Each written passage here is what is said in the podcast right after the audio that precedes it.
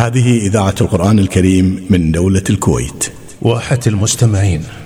مستمعي الكرام السلام عليكم ورحمة الله وبركاته. يوما بعد يوم في هذه الواحة المباركة التي أيضا تجمعنا في مثل هذا الوقت مستمعي الكرام لا شك من خلالها نستفيد كثيرا آه، مما نطرح في هذه الواحة وأيضا في من نستضيف من الأخوة الأفاضل الذين يكونون معنا في هذه الواحة ويثرون هذه الواحة. اليوم الحقيقة أيضا حلقة إن شاء الله تكون متميزة وأيضا تحسب لواحة المستمعين هذه الحلقة حيث سنكون مع فضيلة الشيخ آه، سعيد بن علي بن وهف القحطاني آه، آه، فضائل الرحمن على عباده كثيرة ولا تحصى ومن فضله عز وجل توفيق عباده للعمل الصالح وسن السنن الحميدة والدعوة إلى الله وهي آه، بذرات آه، تسقى من رياحين وينابيع الدعاء والعمل الصالح. فيعني نجني ثمارها آه، من الفلاح والنجاح وأيضا لصاحبها ومستعملها في الدنيا والآخرة. ومن توفيق الله سبحانه وتعالى أن سخر لنا اليوم آه، تشريف الواحة أيضا آه، من خلال حضور فضيلة الشيخ سعيد بن علي بن وهف القحطاني حفظه الله تعالى ضيفا على الكويت ووزارة الأوقاف والشؤون الإسلامية. وفضيلة الشيخ الكريم ارتبط اسمه أيضا حفظه الله بأكثر الكتيبات شيوعا وانتشارا في العالم منذ طباعته عام 1409 آه، للهجرة الموافق لعام 1989 وقد لا يخلو منزل أو سيارة أو جهاز هاتف منه إلا آه، يعني تواجد هذا الكتيب وهو كتاب حصن المسلم. الكتاب آه، ذو اللون البرتقالي تذكره ابو انور إيه، في لون ثاني بعد. إيه، وإحنا وإحنا استفدنا منه كثيرا في الإذاعة. صراحة أنا بصفة شخصية منذ سنوات طويلة وأنا أقرأ منه يعني في في الإذاعة سواء في البرنامج الثاني أو في إذاعة القرآن الكريم أو في البرنامج العام وبالفعل. إي والله. آه، يعني الحقيقة ويعني تداول الكثير من الناس هذا الكتيب واستفاد منه استفادة عظيمة وإلى ذلك ترجم إلى ثلاث وأربعين لغة. ما شاء الله. فلذلك الفائدة عمت يعني الكثير وكثير من الناس اللي فعلا يعني يذكرون هذا الكتاب ولا يزال كثير يحتفظون آه، بهذا الكتيب الذي قام جزاه الله خيرا بجمع الأحاديث والأذكار بشكل سهل وبسيط آه، فيه وطباعته وقفا لله عز وجل. ومن ثم بدأ الانتشار في العالم أجمع وتم طباعته كما ذكرنا إلى ملايين النسخ منه ولا تزال هذه الكتيبات آه، كأكثر الكتيبات الخاصة بالجيب تداولا. والذكر هو من الأعمال المقربة للعبد من ربه عز وجل. فقال تعالى أعوذ بالله من الشيطان الرجيم الذين آمنوا وتطمئن قلوبهم بذكر الله. ألا بذكر الله تطمئن القلوب؟ والمحافظة أعزائي المستمعين على ذكر الله تعالى فيه الخير الكثير في هذه الحياة والأجر العظيم في الآخرة وأذكار الصباح والمساء ومن أهم الأذكار التي ينبغي للمسلم أن يحافظ عليها فمن فوائدها انشراح الصدر وطمأنينة القلب ومعية الله سبحانه وتعالى وذكر الله في دائما يعني الله سبحانه وتعالى العبد مع الملأ الأعلى عندما يذكر الله سبحانه وتعالى ولن نطيل استفادة من الوقت الذي سيكون فيه معنا فضيلة الشيخ آه، الحقيقة فضيلة الشيخ سعيد بن علي بن وهب القحطاني وهو أيضا يشرف الواحة آه، في هذه اللحظات المباركة الجميلة.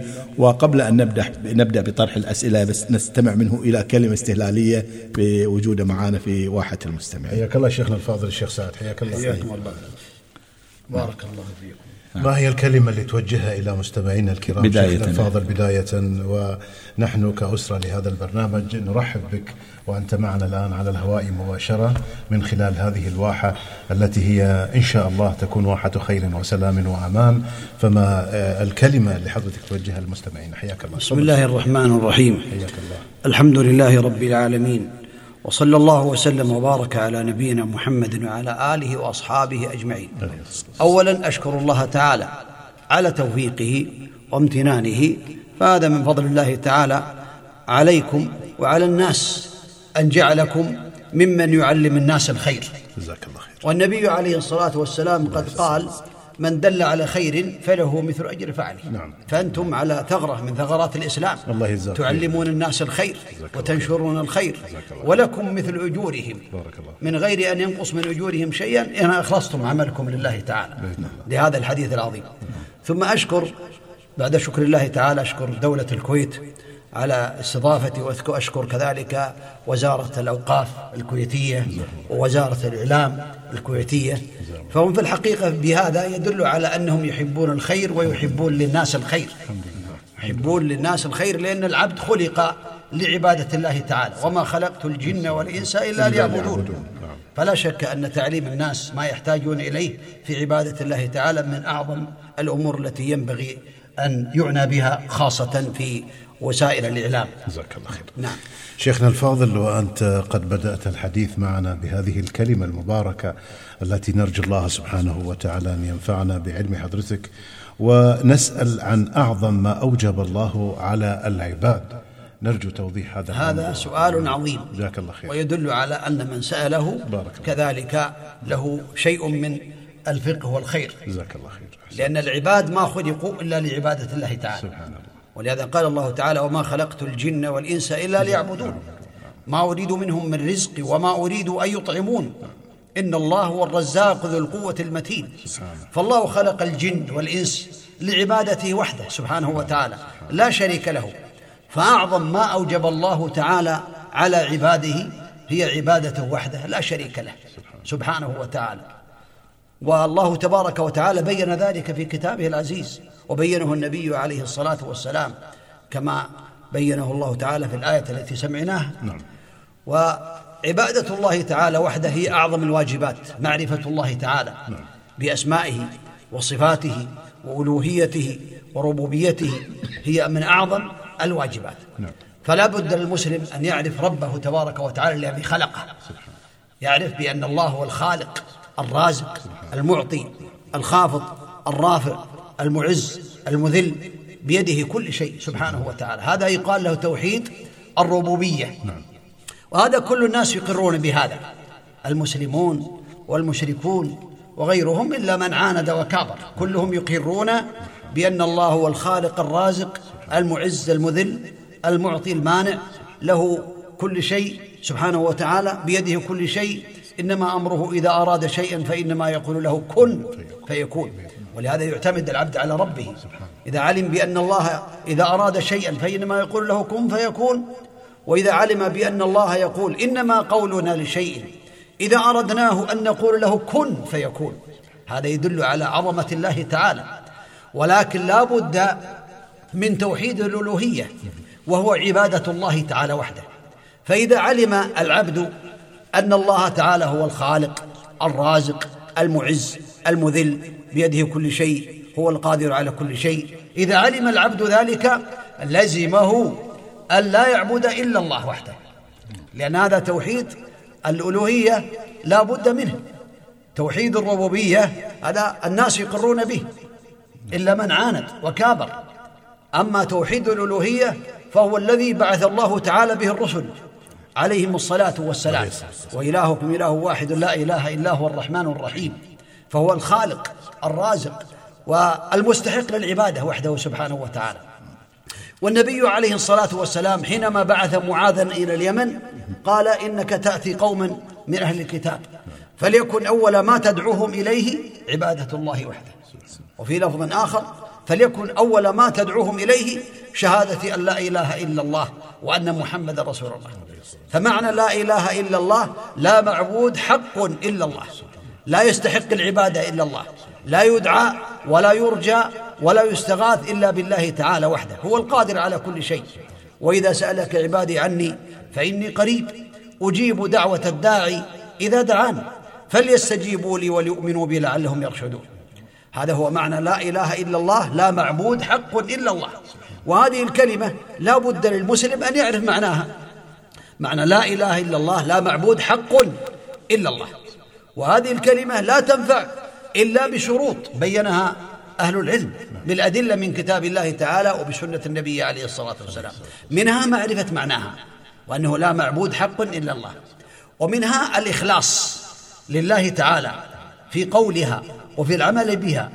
ولهذا بين النبي عليه الصلاة والسلام أن من قالها من قلبه يدخل الجنة.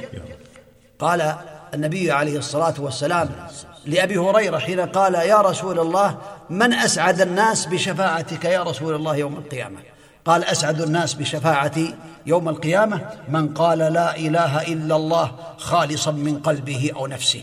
هذا هو أسعد الناس بشفاعة النبي عليه الصلاة والسلام. الصدق في قولها في قول هذه الكلمة في عبادة الله لأنها في الحقيقة هي الدين. لا إله إلا الله من أجلها خلق الله تعالى العباد وخلق الجن والإنس بل خلق جميع المخلوقات بل من أجلها خلق الله الدنيا والآخرة بل من أجلها نصب الله تعالى الموازين ومن أجلها خلق الجنة والنار من أجل عبادته وحده سبحانه وتعالى. وهو غني عن عبادة العباد غني سبحانه وتعالى. لا يحتاج إلى أحد ولا يحتاج إلى عبادة سبحانه وتعالى لكن هذا هو اختبار وابتلاء من الله تعالى. حتى يستفيد العبد حتى يكون طائعا لله تعالى بهذه العبادة. ولا شك أن من الأمور التي لا بد منها في معرفة هذه العبادة الصدق. فلا بد أن يكون صادقا. لا يكون كالمنافقين. إن المنافقين يخادعون الله وهو خادعهم وإذا قاموا إلى الصلاة قاموا كسالى. يراءون الناس ولا يذكرون الله إلا قليلا. كانوا يقولون لا إله إلا الله في عهد النبي عليه الصلاة والسلام ولكنهم كاذبون يكذبون فلا بد من الصدق في قول لا إله إلا الله لا بد أن يكون صادقا. ولهذا ثبت عن النبي عليه الصلاة والسلام من حديث عمر أن الرجل العبد المسلم سواء كان ذكرا أو أنثى إذا قال لا إله إلا الله مع المؤذن إذا قال المؤذن لا إله إلا الله في آخر الأذان. فقال لا إله إلا الله من قلبه دخل الجنة. بمجرد متابعة المؤذن ثم يقول لا إله إلا الله ويكون من قلبه هذا يدخل الجنة. هذا من فضائل هذه الكلمة لا إله إلا الله. هي أعظم الأمور وهي أعظم العبادات التي أمر الله تعالى بها. ولا بد مع ذلك من اليقين. المنافي للشك فلا يقولها وهو يشك. لا بد أن يكون يقينا لا شك فيه. لأن من أنواع الردة الشك كأن يشك الإنسان في قدرة الله تعالى والعياذ بالله أو يشك في عذاب القبر أو في نعيمه أو يشك في الجنة أو في النار أو غير ذلك. هذا من أنواع الردة ومن أنواع الشرك والعياذ بالله تعالى. فلا بد أن يقول هذه الكلمة من قلبه ويكون عنده يقين جازما بذلك. ولهذا ثبت عن النبي عليه الصلاة والسلام أنه قال أشهد أن لا إله إلا الله وأشهد أني رسول الله.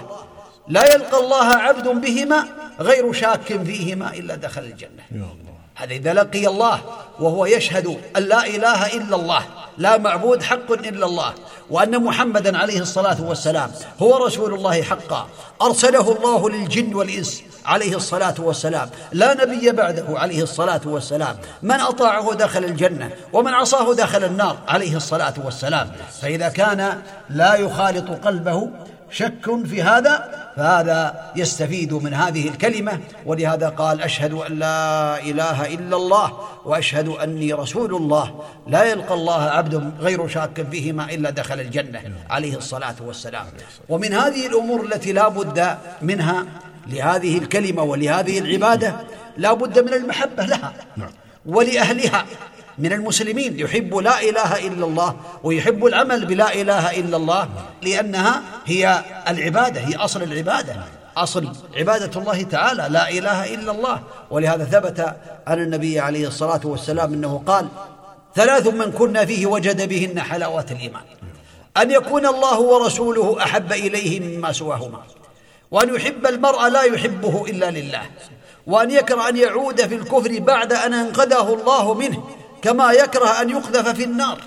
فلا بد من المحبة لهذه الكلمة ولا بد من المحبة للعبادة ولا بد من الانقياد لهذه الأمور حتى يحصل على هذا الثواب. ولهذا قال النبي عليه الصلاة والسلام ذاق طعم الإيمان. الإيمان له ذوق. ذاق طعم الإيمان. من رضي بالله ربا وبالإسلام دينا. وبمحمد رسولا صلى الله عليه وسلم. لا بد من الانقياد لهذه الكلمة الانقياد ينقاد المسلم. الإسلام هو الاستسلام لله تعالى والانقياد له بالتوحيد والخلوص من الشرك وأهله فلا بد من الانقياد ينقاد اي يقوم بجميع الأعمال التي أمر الله تعالى بها. وإلا فيقول لا إله إلا الله ولا يصلي أو يقول لا إله إلا الله ولا يزكي أو يقول لا إله إلا الله ولا يعمل الصالحات ويقول هذه تكفي لا. لا بد من الانقياد ولا بد من القبول لهذه الكلمة يقبل هذه الكلمة. وإلا لا تنفع هذه الكلمة. لا بد من الكفر بما يعبد من دون الله. نسمع بأن هناك من يدعو غير الله أو يستغيث بغير الله أو ينذر لغير الله أو يذبح لغير الله. وقد قال عليه الصلاة والسلام لعن الله من ذبح لغير الله أو يسأل غير الله أو يستغيث بغير الله. لا بد أن يكون عند المسلم في قلبه بأن هذا كله باطل. لأن هذا هو عبادة غير الله تعالى. هذا معنى الكفر بما يعبد من دون الله أي عدم التصديق بأن هذا حق بل هو باطل. هذه من الأمور التي ينبغي للمسلم أن يعلمها. أما شهادة أن محمد رسول الله عليه الصلاة والسلام تثمين لما مضى فلا بد أن يعرف أن محمد بن عبد الله ابن عبد المطلب ابن هاشم القرشي عليه الصلاة والسلام هو رسول الله حقا. أرسله الله تعالى للناس كافة. عليه الصلاة والسلام. الجن والإنس والأحمر والأسود إلى قيام الساعة. لا نبي بعده عليه الصلاة والسلام. نبي بإقرأ وأرسل بالمدثر عليه الصلاة والسلام. وبلده مكة وهاجر إلى المدينة. ما من خير إلا دل أمته عليه ولا من شر إلا حذرها عنه عليه الصلاة والسلام. فلا بد من الاعتقاد. مات عليه الصلاة والسلام ولكن دينه باق. ما من خير إلا دل الأمة عليه. دينه كامل لا يحتاج إلى زيادة لأن الله كمل به الدين. كما قال الله تعالى أنزل عليه عليه الصلاة والسلام وهو في حجة الوداع في عرفات اليوم أكملت لكم دينكم وأتممت عليكم نعمتي ورضيت لكم الإسلام دينا. فقد كمل الله به الدين فلا بد من هذه الشهادة. فالنبي عليه الصلاة والسلام قال فليكن أول ما تدعوهم إليه شهادة أن لا إله إلا الله وأن محمد رسول الله. قال فإنهم أطاعوك لذلك. فأعلمهم أن الله افترض عليهم خمس صلوات في اليوم والليلة. خمس صلوات تجب على العبد.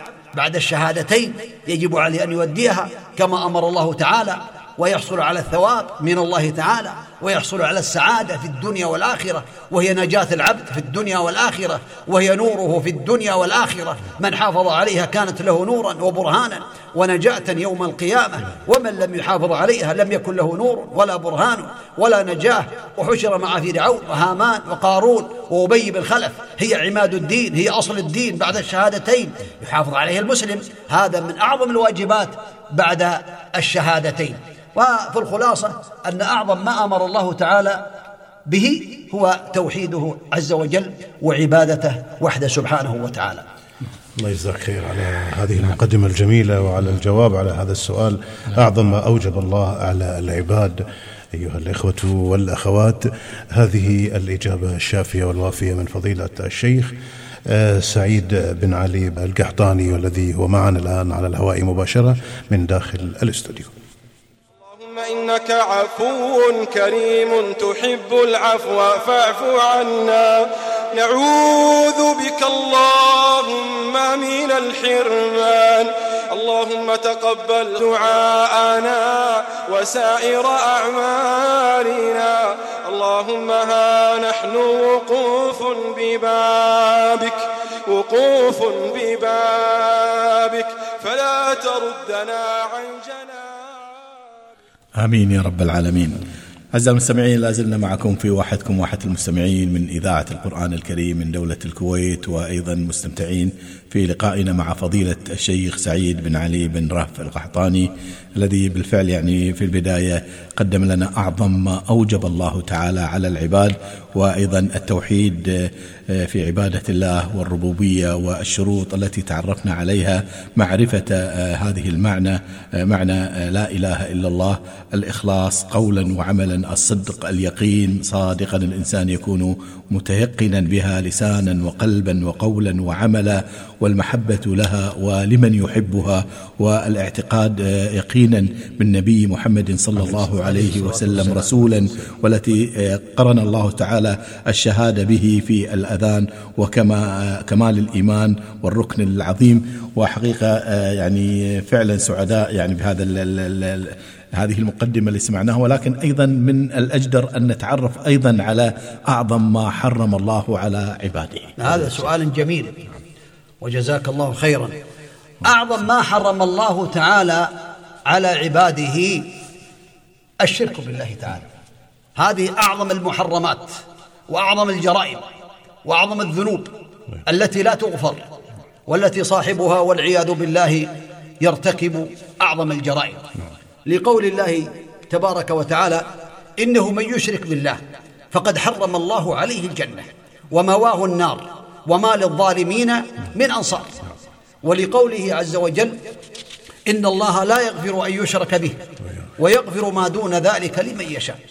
فهو الذنب العظيم الذي لا يغفر الشرك بالله تعالى. والشرك بالله تعالى هو عبادة غير الله تعالى. ويقال هو صرف نوع من أنواع العبادة أو من أفرادها لغير الله تعالى. كأن يستغيث الإنسان بغير الله أو يدعو غير الله أو يرجو غير الله أو آه، يخشى من غير الله يعني خشية العبادة أو يقول بأن هناك من يستحق العبادة غير الله تعالى.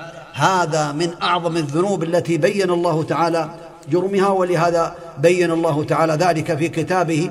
قال الله تعالى ولا تدع من دون الله ما لا ينفعك ولا يضرك. فإن فعلت فإنك إذا من الظالمين. لا ينفعك. لا شك أن الإنسان يعني لا بد أن يخلص لله تعالى في عبادته وحده. وبين الله تعالى في ذلك بأنه لا ينفع ولا يضر إلا الله تعالى فهو النافع الضار. سبحانه وتعالى. المعطي المانع الخافض الرافع. فلا شك أن أعظم الذنوب هو الشرك بالله تعالى وهو أن يجعل العبد لله ندا وهو خلقه نظير ومثيل. ولهذا قال عبد الله بن مسعود للنبي عليه الصلاة والسلام أي الذنب أعظم؟ أي ذنب أعظم؟ نعم. فقال النبي عليه الصلاة والسلام أن تجعل لله ندا وهو خلقك الند هو المثيل والنظير والمساوي. قال أن تجعل لله ندا وهو خلقك. قال قلت ثم أي؟ قال ثم أن تقتل ولدك خشية أن يطعم معك. قال قلت ثم أي؟ قال أن تزاني بحديدة جارك والعياذ بالله تعالى. فأعظم الذنوب هذه ذنوب. ذنوب يعني قتل النفس من أعظم الذنوب. نعم. وكذلك آه، الزنا من أعظم الذنوب. نعم. لكن الشرك هو أعظم الذنوب. هذا من أعظم.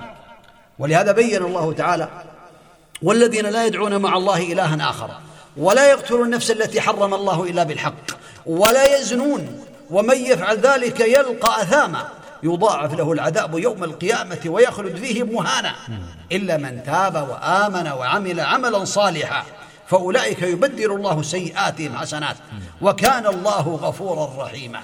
فأعظم الذنوب هو الشرك بالله تعالى والمسلم عليه أن يعلم بأن الشرك هو أن يصرف نوعا من أنواع العبادة لغير الله تعالى. والعبادة هي اسم جامع لكل ما يحبه الله تعالى ويرضاه ومنها الصلاة ومنها الدعاء ومنها الاستغاثة ومنها الخوف. هذا لا يخاف إلا من ربه تبارك وتعالى ولا يرجو رجوع العبادة ولا يخاف خوف السر من أحد أن يضره أو ينفعه إلا من الله تعالى لأن الله هو القادر على كل شيء سبحانه وتعالى.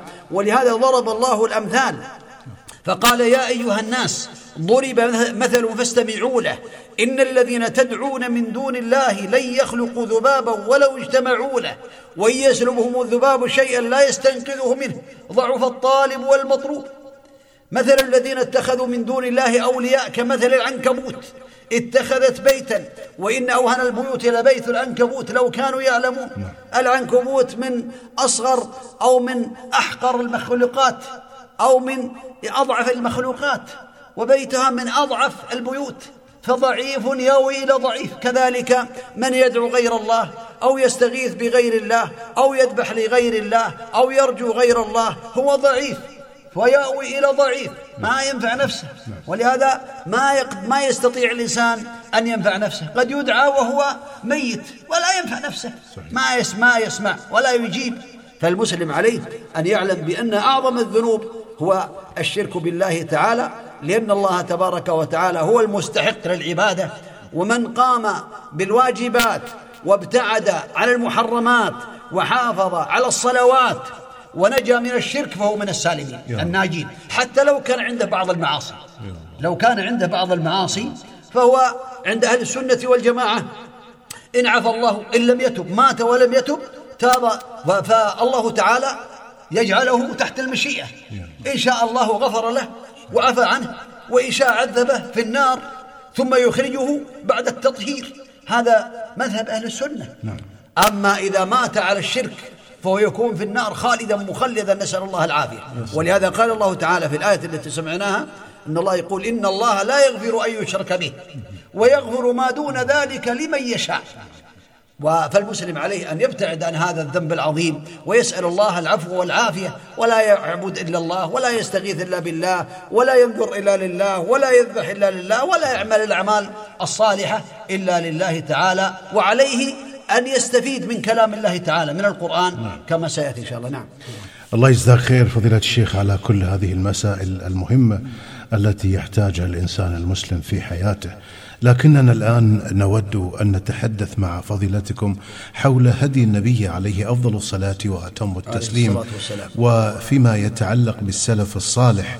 وبالذكر ذكر الأوراد أو الورود التي وردت في هذه المسألة وأهمية ذلك في آه، حياة المسلم عندما يبدأ في ذكر الورد الثابت في يومه هذا. فما هي أهمية هذه الأمور في حياة الإنسان المسلم؟ بارك الله فيكم. اولا جميع أمور الدين نعم. هي من ذكر الله تعالى. سبحانه فالصلاة من ذكر الله والصيام من ذكر الله والصدقة من ذكر الله كلها من ذكر الله ما يعملها الإنسان إلا لله تعالى يرجو ثواب الله تعالى من هذا العمل وذكر الله تعالى باللسان هو منه ما يكون واجبا نعم. فريضة ومنه ما يكون من المستحبات نعم. فمن الواجبات النطق بالشهادتين شهادة أن لا إله إلا الله وأن محمد رسول الله. هذا هو أعظم الذكر أعظم الذكر لا إله إلا الله. وكذلك من الواجبات في الذكر في الصلاة. فقراءة الفاتحة في الصلاة هي ذكر لكنها من أركان الصلاة. كما قال النبي عليه الصلاة والسلام لا صلاة لمن لم يقرأ بفاتحة الكتاب. من صلى صلاة لم يقرأ فيها بفاتحة الكتاب فهي خداج غير تمام. ناقصة. هذا من الواجبات. التشهد الأخير وهو تحيات لله الصلوات إلى آخر التشهد هذا من أركان الصلاة. الصلاة على النبي عليه الصلاة والسلام. فهناك من الأذكار ما يكون واجبا وفريضة على كل مسلم وهناك من الأذكار ما يرفع الله تعالى به الدرجات ويحصل الإنسان على الخير.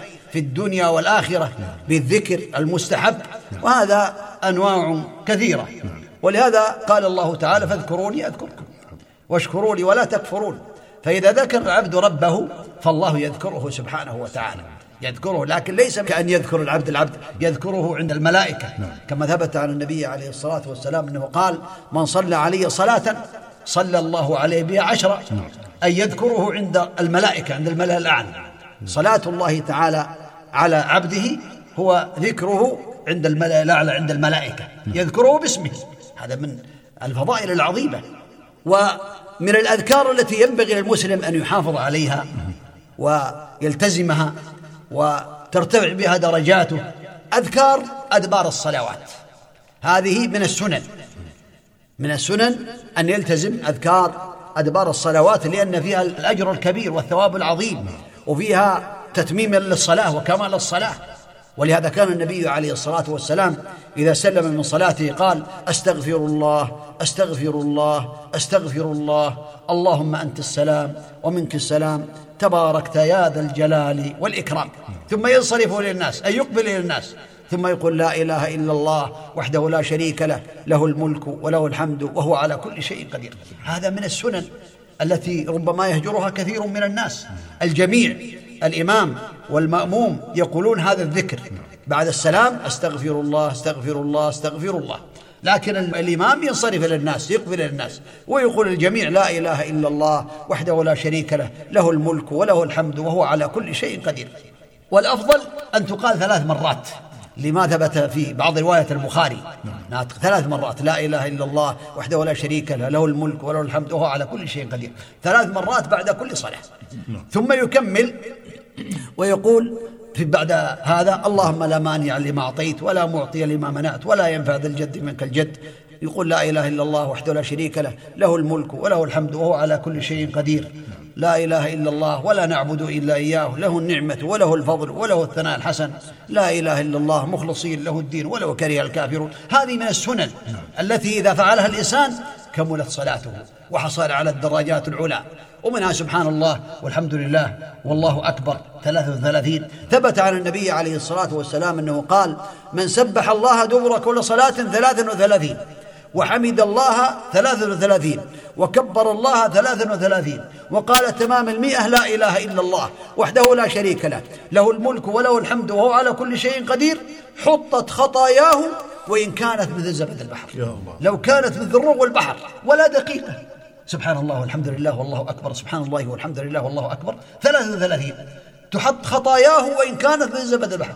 كثير من الناس محروم. يحرم هذا الخير. ولا نقول بأن هذا واجب فريضة فرضها الله تعالى على العباد. لكن هذا فضل عظيم. لو هدي الإنسان هدية ثم ردها هذا ما يلزمه أن يقبل الهدية. لكن هذا مثال عظيم. لو قيل الإنسان من عمل هذا العمل من داوم الدوام الرسمي إلى غروب الشمس الدوام ينتهي عندكم الساعة اثنين ونصف تقريبا. فقول من واصل الدوام إلى غروب الشمس فهذا يزاد يعطى كل شهر مليون ريال زيادة في الراتب. مليون. مليون دينار كويتي. أو على حسب العملات في أي دولة. فهل تجد بأن بعض الناس يقول لا أنا ما أريد هذا المليون؟ يتسابقون. لو ذهب إلى البيت لا حرج عليه. ها؟ ولو واصل الدوام إلى غروب الشمس يحصل على المليون. تجد الناس يتسابقون على هذا. لماذا؟ لعلمهم بهذا المبلغ. فكذلك الفضل العظيم. من أراد رفعة الدرجات فعليه أن يسابق إلى الخيرات. غنيمة. ولهذا قال الله تعالى هذه غنائم. ولهذا قال الله تعالى انظر كيف فضلنا بعضهم على بعض. وللآخرة أكبر درجات وأكبر تفضيلا. درجات في الآخرة. صحيح الدنيا فضل الله البعض على البعض. لكن انظر في الآخرة الله تعالى فضل بعض الناس على البعض. منهم من يكون في أعلى منزلة من منازل الجنة وهي الوسيلة التي بها النبي عليه الصلاة والسلام. فلا شك أن المبادرة إلى ذكر الله تعالى من أعظم الأمور خاصة بعد الصلوات حتى يحصل المسلم على تقوية دينه. ولهذا ثبت من أحاديث حديث له طرق أن من قرأ آية الكرسي دبر كل صلاة لم يكن بينه وبين الجنة إلا أن يموت. الله لا إله إلا هو الحي القيوم إلى آخر الآية. من حافظ عليها دبر كل صلاة مفروضة ما يكون بينه وبين الجنة إلا أن يموت. وهذا والله من الغنائم التي قال أخونا جزاه الله خيرا. هذا من الغنائم والفوائد أن الإنسان لا يفوت هذا الخير. كذلك يقرأ المعوذات بعد كل صلاة مرة واحدة. قل هو الله أحد قل أعوذ برب الفلق قل أعوذ برب الناس. خاصة في الصباح والمساء يقرأ ثلاث مرات. ثبت عن النبي عليه الصلاة والسلام أنه قال لبعض الصحابة قال قل قال ما أقول قال قل قال ما أقول. قال قل هو الله أحد. والمعوذتين إذا أصبحت وإذا أمسيت ثلاث مرات تكفيك من كل شيء. تكون حجاب لك من كل شيء من كل مكروه. كذلك أذكار الصباح وأذكار المساء. هذه من العبادات العظيمة. ثبت عن النبي عليه الصلاة والسلام أنه قال في الحديث الصحيح من قال سبحان الله وبحمده إذا أصبح مئة مرة وإذا أمسى مئة مرة لم يأتي أحد أفضل مما جاء به يوم القيامة إلا من زاد عليه. سبحان الله وبحمده سبحان الله وبحمده سبحان الله وبحمده سبحان الله. مئة مرة في الصباح مئة مرة في المساء ما يأتي أحد أفضل مما جئت به يوم القيامة إلا من زاد عليك. وهذا ما يستغرق ولا دقيقة ولا دقيقة ونصف تقريبا. كذلك من أذكار الصباح والمساء أن يقول المسلم بسم الله الذي لا يضر مع اسم شيء في الأرض ولا في السماء وهو السميع العليم. ثلاث مرات إذا قال هذا الدعاء إذا أصبح لا يصيبه بأس حتى يمسي. وإذا قاله إذا أمسى لا يصيبه بأس حتى يصبح. يقينا لا شك فيه. وهذا ما يحتاج تجارب. إذا قلتها من قلبك إذا أصبحت. بسم الله الذي لا يضر مع اسمه شيء. في الأرض ولا في السماء وهو السميع العليم. ثلاث مرات لا يصيبك بأس حتى تمسي وإذا قلت إذا أمسيت لا يصيبك بأس هذا حجاب حتى تصبح. وهذا من فضل الله تعالى على عباده.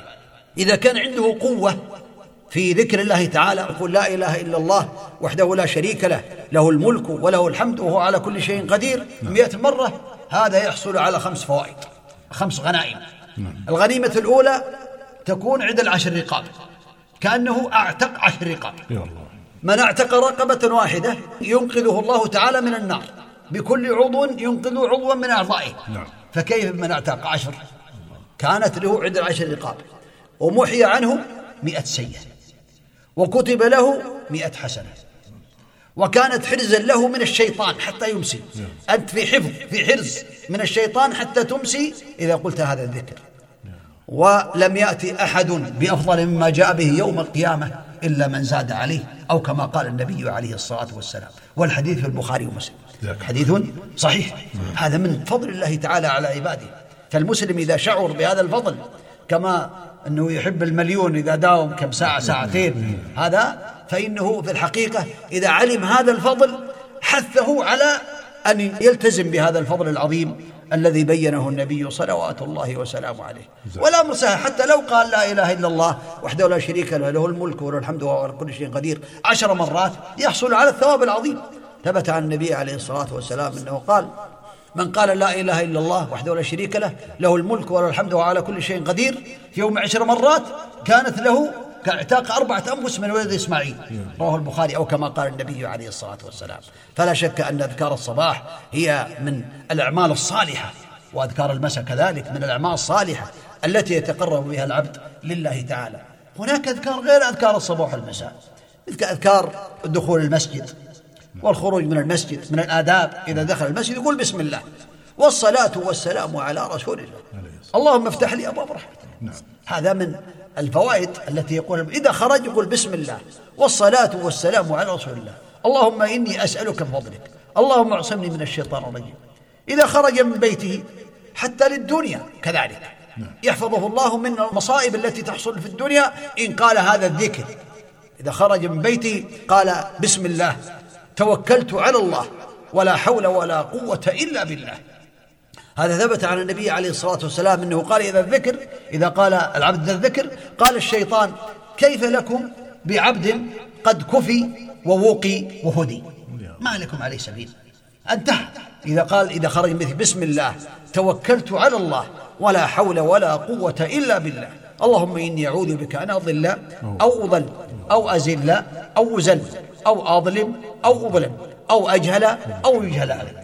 فهو في يكون في حفظ الله تعالى وفي رعاية الله تعالى وفي توفيق الله تعالى. والأذكار في الحقيقة بابها واسع عظيم باب واسع. ألف الإمام النووي رحمه الله تعالى كتابا كتاب الأذكار للنووي. ولهذا يقال بع الدار واشتري الأذكار.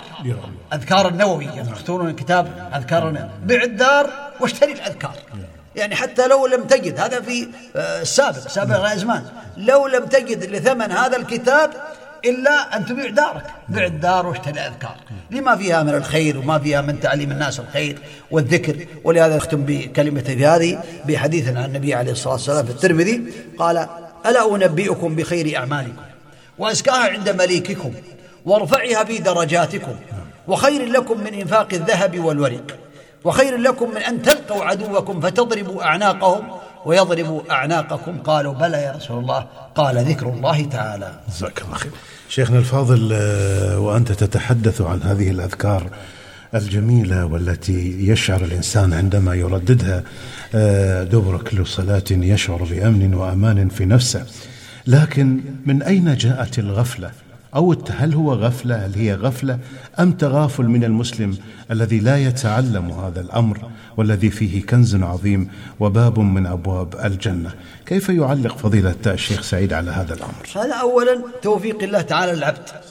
فالعبد إذا قام بالواجبات وابتعد عن المحرمات وسأل الله التوفيق والسداد أعانه وسدده وشرح صدره للخير. ولهذا هذا رسول الله عليه الصلاة والسلام. وهو رسول الله. عصمه الله تعالى. معصوم النبي عليه الصلاة والسلام. صلوات الله وسلامه عليه. كان يقول يا مقلب القلوب ثبت قلبي على دينك. يا مصرف القلوب صرف قلوبنا على طاعتك. فالمسلم يسأل ربه التوفيق يسأل ربه الإعانة يسأل أن الله يشرح صدره ويعينه على الخير لأنه ضعيف. نحن ضعفاء إلا بالله وحده. فالمسلم ينبغي له أن لا يغفل عن طاعة الله. هذا أولا.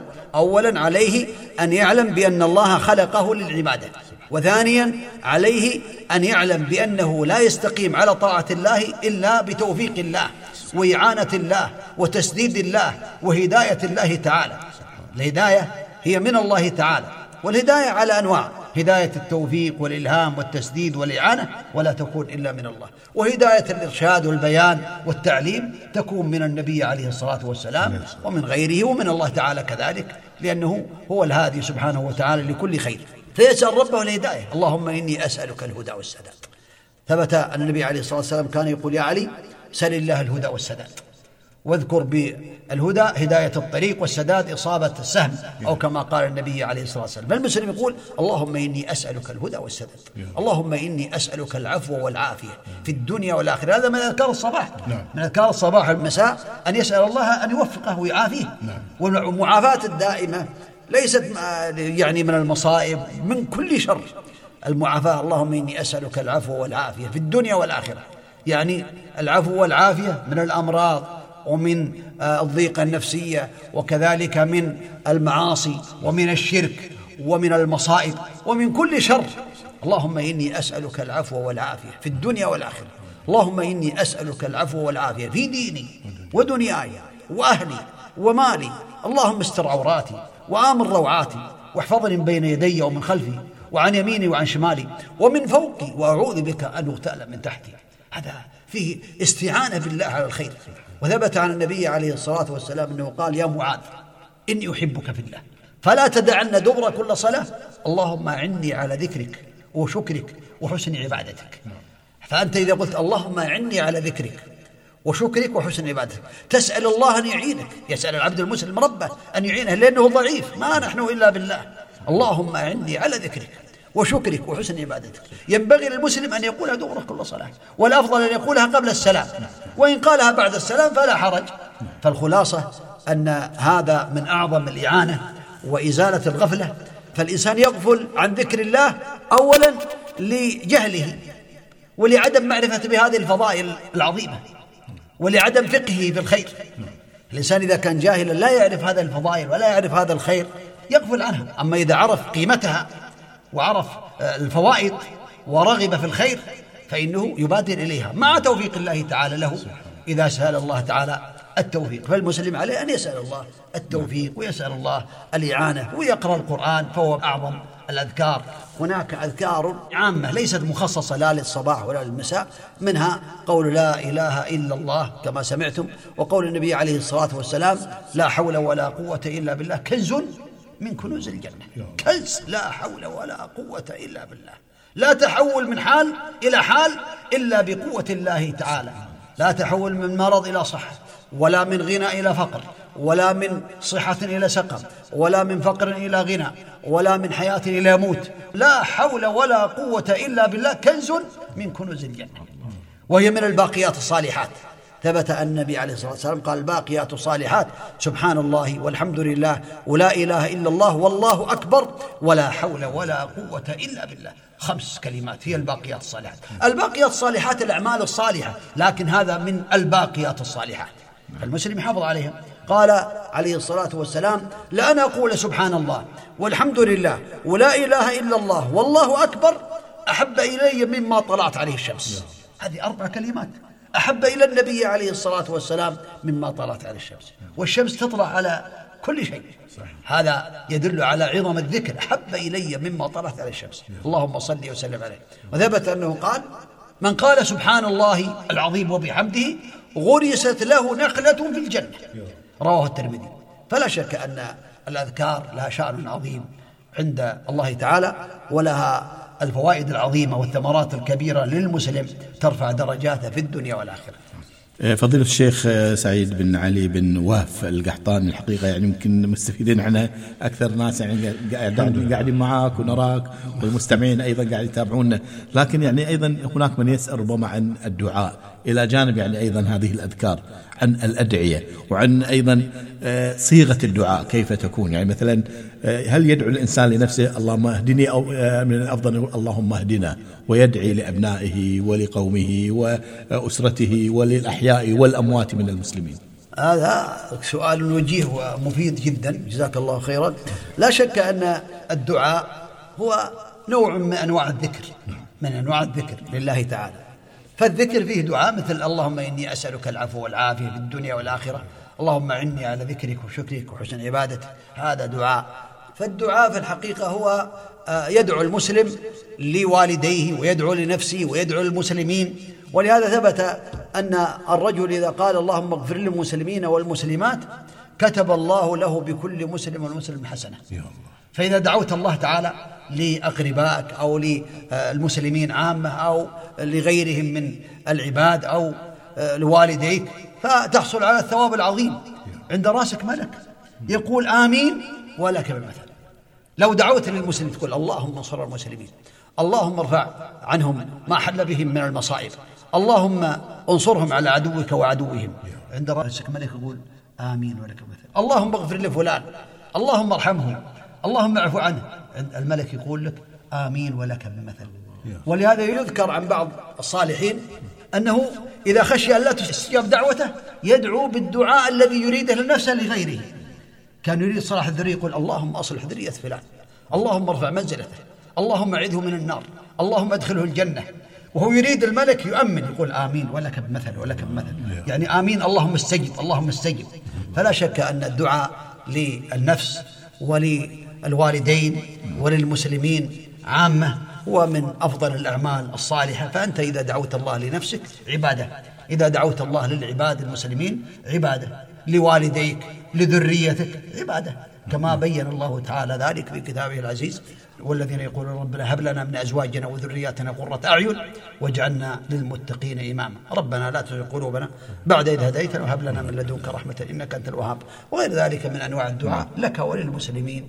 نعم. شيخ حقيقة يعني أيضا سؤال مواجه لهذا السؤال وهو الدعاء للن- للناس. لكن هناك يعني في مواقف أو ربما يكون أيضا الإنسان في موقف معين في غضب في كذا ولكن أيضا يدعو على الناس. أي يدعو على فماذا إذا كان يعني يعني خرجت منه ودعا على أن أي على كل إنسان حال إذا كان الإنسان مظلوم فله أن يدعو والأفضل له أن لا يدعو. والأفضل له أن لا يدعو. الأفضل أن يصبر ويحتسب الأجر على الله تعالى. والله تعالى يقول والكاظمين الغيظ والعافين عن الناس. والله يحب المحسنين. هذا من الأعمال الصالحة. والنبي عليه الصلاة والسلام حينما بعث معاذ إلى اليمن قال فليكن أول ما تدعوهم إليه شهادة لا إله إلا الله وأن محمد رسول الله فإنهم أطاعوا لذلك فاعلمهم أن الله افترض عليهم خمس صلوات في اليوم والليلة فإنهم أطاعوا لذلك فاعلمهم أن الله افترض عليهم صدقة تؤخذ من أغنيائهم فترد في فقرائهم واتقي دعوة المظلوم فإنه ليس بينه وبين الله حجاب. فلا شك أن المظلوم دعوته مستجابة. نعم. نسأل الله العافية نعوذ بالله من الظلم.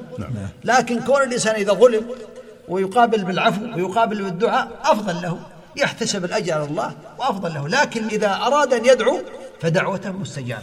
أيضا نعم. شيخ يعني بس أيضا استطراد لهذا الموضوع. يعني هناك من الآباء والأمهات عفويا يعني يدعو على ابنائه إيه. وربما تصادف يعني لحظة استجابة. نعم لا وهو غضبان. يعني. وهذا أولا.